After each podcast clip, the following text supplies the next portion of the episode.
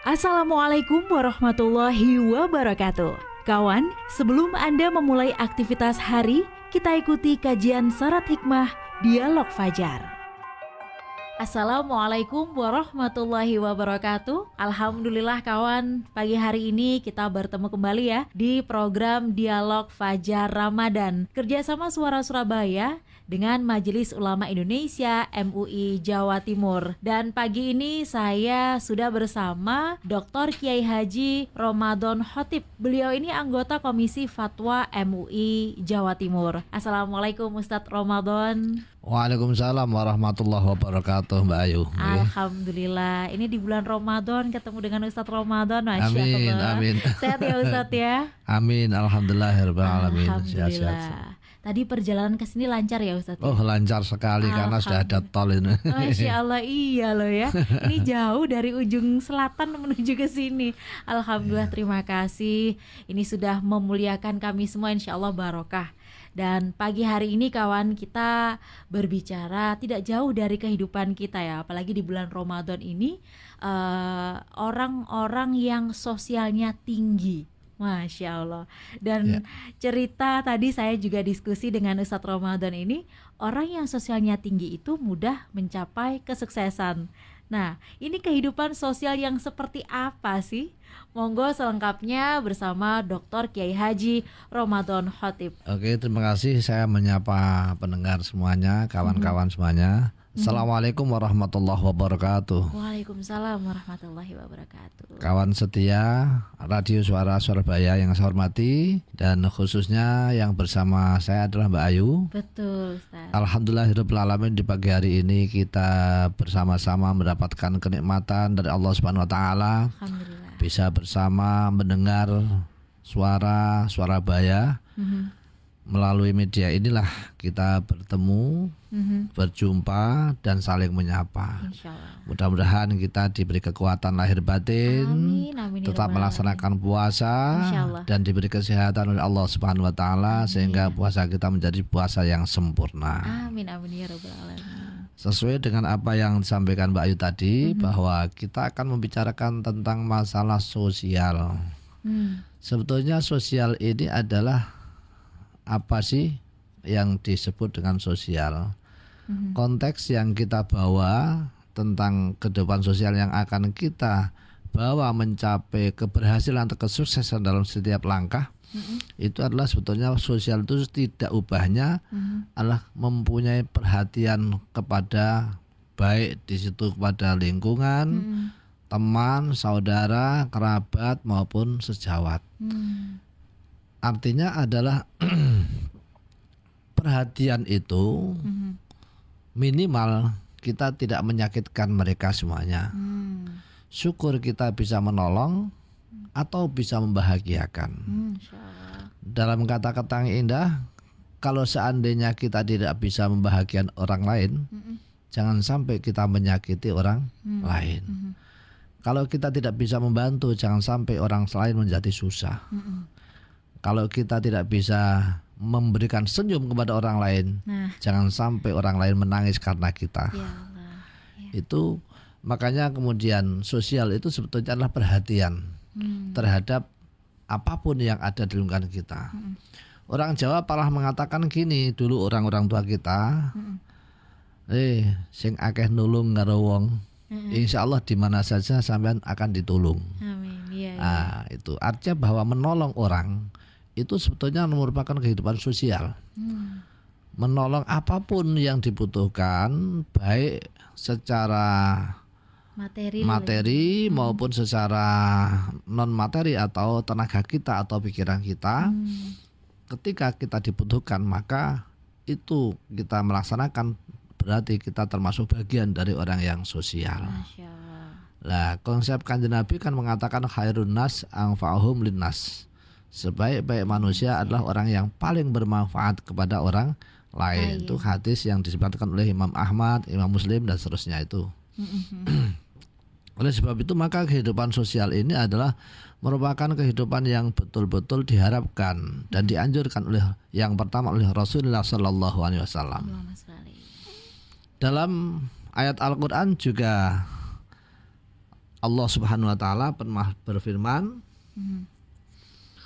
Fa amma man a'ta wattaqa wa saddaqa bil husna fasanuyassiruhu lil yusra itu surat Al-Lail ayat 5, 6 dan 7. Wa amma man a'ta siapa pun orang yang selalu memberi dan takwa kepada Allah wa saddaqa bil husna dan memberikan apresiasi dan membetulkan terhadap sesuatu yang baik maka akan dipermudahkan terhadap sesuatu oleh Allah Subhanahu wa taala. Jadi konsep di sini adalah atau wattaqo memberi dan tetap yakin bahwa yang akan membalas pada Allah, yang akan membalas Allah bukan orang yang kita beri. Hmm. Ini konsep kita. Jadi kalau kita memberikan pada seseorang, jangan kita mengharapkan pemberian dari orang tersebut. Kapan aku dibalas? Pamrih gitu ya. Iya. Hmm. Tapi kalau kita tidak memberikan atau tidak mengharapkan balasan dari orang tersebut, yakin wah bahwa Allah yang akan menggantinya. Ini yang dimaksud dengan wattaqo. Hmm. Jadi takwa di sini keyakinan pada Allah. Hmm, hmm, hmm. Jangan ada mohon maaf saya kadang-kadang terus terang kalau di, di ngaji di desa itu Oke. Kita itu kadang-kadang kalau umpama bowo itu ya. Ah, bowo itu seakan-akan Ya nanti mengharapkan saya dapat kembalian. Itu keliru niatnya. Ya Allah. mestinya kalau akan mendapatkan yang lebih banyak saya bowo lillahi ta'ala soal dibalas atau tidak itu urusan Allah. Allah. Oh. itu nanti balasannya lebih bagus dan lebih hebat daripada mengharapkan saya buh umama 50 ribu nanti akan saya dapatkan 50 ribu lagi Ya Allah, iya. itu iya, terlalu kecil malahan makanya kalau umama kita atau memberikan tidak usah mengharapkan sesuatu tapi yakin Allah tidak akan diam terhadap orang yang ittaqo tersebut Hmm. orang yang tulus Mm-mm. bahwa kebaikan itu pasti akan dibalas dengan kebaikan. Insya Allah. Ama ya'mal mithqala dzarratin Baik. khairan yarah wa ma ya'mal mithqala dzarratin syarran Syarran yarah. yarah. Itu sudah jelas itu. Makanya konsep kita yang pertama adalah mari kita sosialisasikan bahwa kepedulian terhadap orang lain, kepedulian terhadap masyarakat, lingkungan itu akan membawa dampak yang positif bahwa Allah lah yang akan membalas kita bukan orang yang kita beri kebaikan. Insya Allah. Itu, Apalagi di bulan Ramadan ya Ustadz. ya. Wah, bulan Ramadan malah lebih meningkat lagi karena apa? Allah akan melipat gandakan terhadap pemberian di bulan Ramadan. Kita sedekah satu, maka Allah pasti akan balas 10 kali lipat. Meskipun itu air putih sama kurma Iya, tiga biji begitu ya. Betul, walaupun hanya bagi kita mungkin tidak berharga, tapi Iya. Allah selalu mencatat keba- keberhargaan tersebut Mhm. menjadi hal yang lipat ganda gitu loh. Kalau di bulan Ramadan sendiri adakah waktu-waktu khusus Ustadz yang disarankan misal Hmm. untuk beramal atau di saat hari-hari adakah gitu waktunya Ustadz? Jadi ada yang pertama adalah paling hebat itu orang yang memberikan takjil atau buka pada orang-orang yang berpuasa. Mhm. Jadi orang yang berbuka pada orang yang berpuasa itu malah justru memberikan kenikmatan Mhm. dan bahkan barang siapa yang memberikan buka terhadap orang lain Mhm. maka dia akan mendapatkan pahala sama dengan pahalanya orang yang berpuasa tersebut Allah. tanpa mengurangi pahalanya orang yang berpuasa. Hmm. Berarti dapat double puasanya sendiri dapat Iya. pahala, pahala dari memberi kepada orang lain itu juga dapat pahala. Itu yang pertama. Dalam masalah sosial ya, dalam masalah sosial harusnya memang konsep dalam sosial kita Mhm. Yang kedua kita ambil surat An-Nahl ayat 97 Mhm. Man amila sholihan min zakarin aw unsa wa huwa mu'minun falanuhyiyannahu hayatan thayyibah al ayah. Mhm. Barang siapa yang beramal soleh baik dari orang laki-laki atau orang perempuan dan dia tetap yakin iman pada Allah maka Allah akan memberikan kehidupan yang baik dan kehidupan yang nyata. Hmm.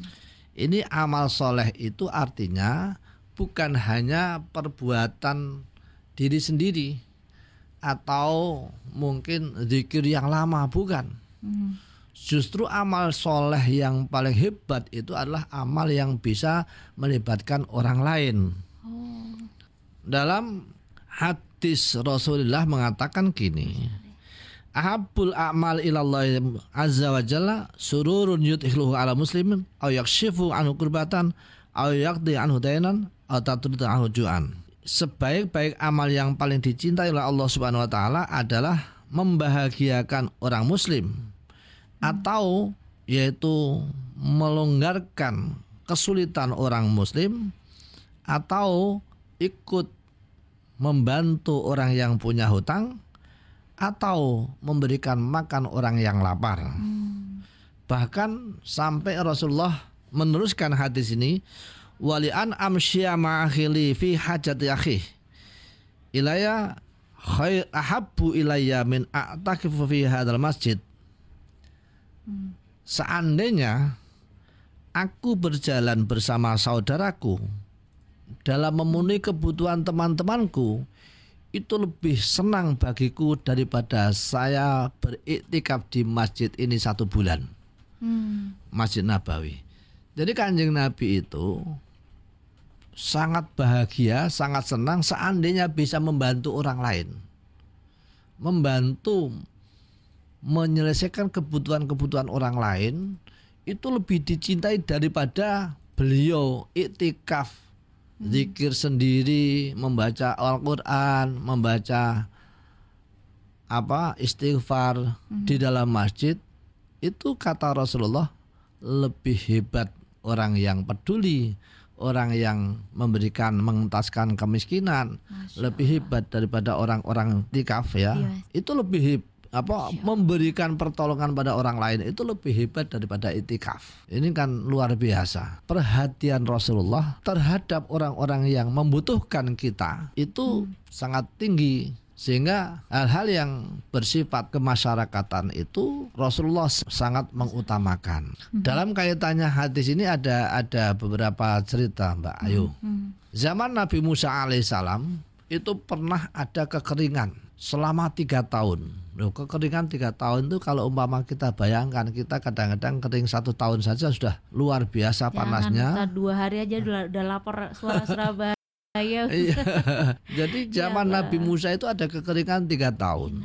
Sampai penduduk itu bahkan pohon-pohon tidak ada yang hidup, terus hewan-hewan banyak yang mati, mati. orangnya kurus-kurus, tidak hmm. pernah mandi, bahkan minum saja sulit, apalagi untuk mandi, ya. Hmm.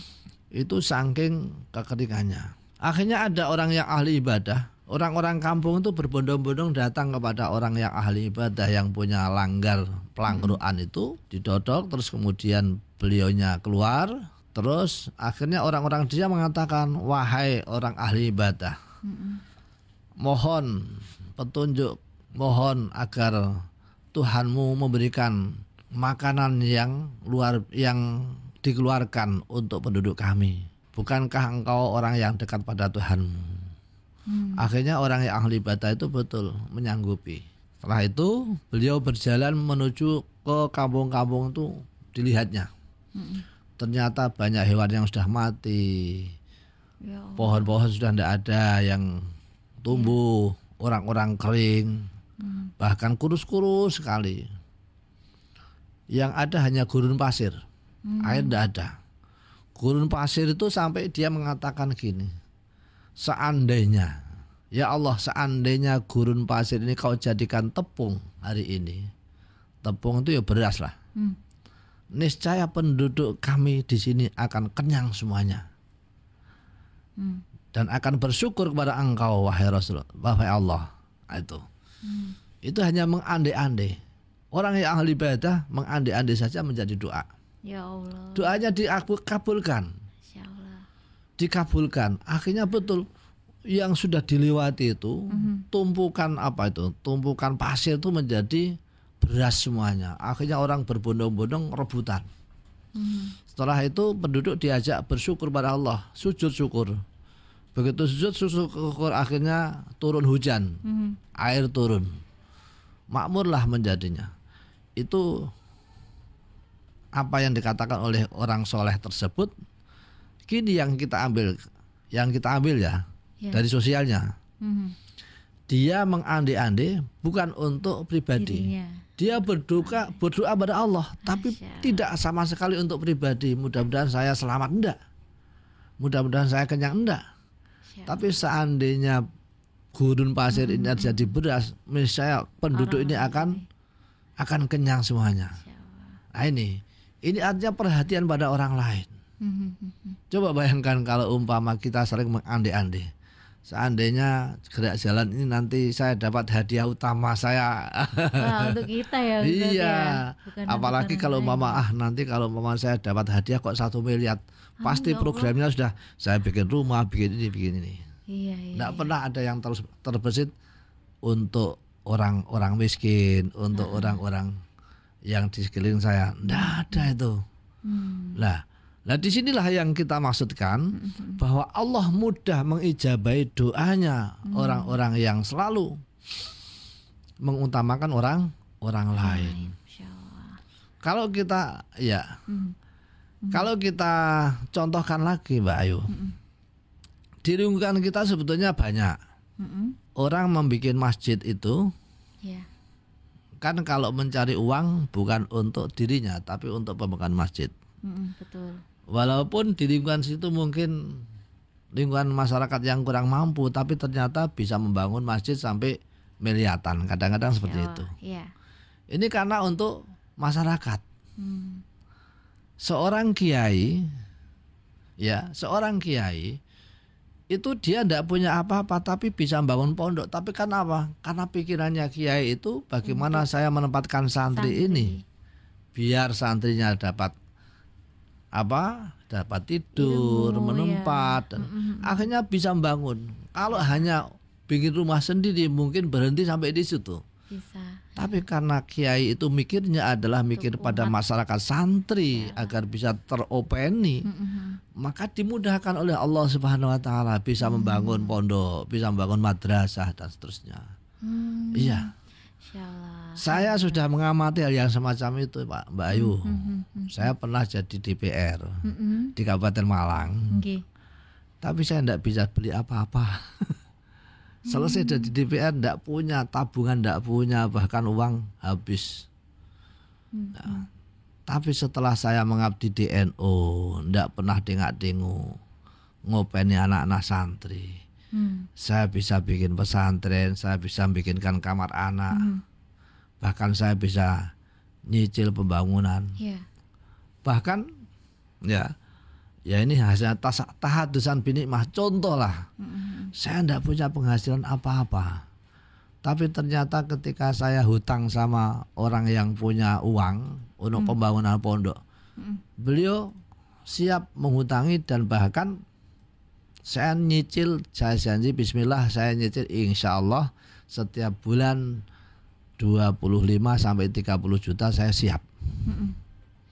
Ternyata oleh Allah ya juga dituruti kok. Saya bangun sekian itu nyicil itu tidak pernah kok 25 30 kadang-kadang 40 50 malah. Itu kalau saya bayangkan ini kalau umpama untuk untuk saya pribadi mungkin tidak mampu tapi ketika kita memikirkan orang lain Hmm. maka Allah lah yang akan memberikan jalan menuju keberhasilan dan kemudahan untuk hal-hal tersebut. Hmm. Ini adalah menjadi contoh. Maka contoh perilaku kiai, yang kedua perilaku orang yang soleh tadi yang saya sampaikan, Mm. itu kan berdoanya orang soleh itu karena untuk orang lain. Insya Allah itu, itu dimudahkan oleh Allah. Maka inilah yang yang kita maksud bahwa bahwa apa sosialnya semakin tinggi, semakin mudah mencapai kesuksesan ya di situ. Insya Allah. Insya Allah kalau mama tidak percaya perlu dicoba Iya. perlu coba. Karena apa? Nabi Muhammad pernah mengatakan mana sokosot malun min sodakotin. Harta yang disodakokan tidak akan berkurang. Dengan kata lain tidak ada ceritanya orang bangkrut karena kebanyakan sodakoh. Tidak ada itu. Alhamdulillah. Ya. Baik, terima kasih Ustadz Ramadan Khatib. Iya. Semoga kita bisa naikkan sosial kita apalagi ini di bulan Ramadan. Betul. Banyak tadi contoh yang sudah diberikan Ustadz Ramadan Khatib Semoga apa yang disampaikan jadi bermanfaat untuk kita semua kawan, menjadi Ya. orang yang sosialnya tinggi insya Allah. Dan demikian kawan dialog Fajar pagi ini saya Fitriana Ayu bersama Dr. Kiai Haji Ramadan Khotib, anggota Komisi Fatwa MUI Jawa Timur pamit. Wassalamualaikum warahmatullahi wabarakatuh. Waalaikumsalam warahmatullahi wabarakatuh. Program Dialog Fajar Ramadan 1444 Hijriah yang baru Anda simak. Hasil kerjasama Suara Surabaya Media bersama Majelis Ulama Indonesia MUI Jawa Timur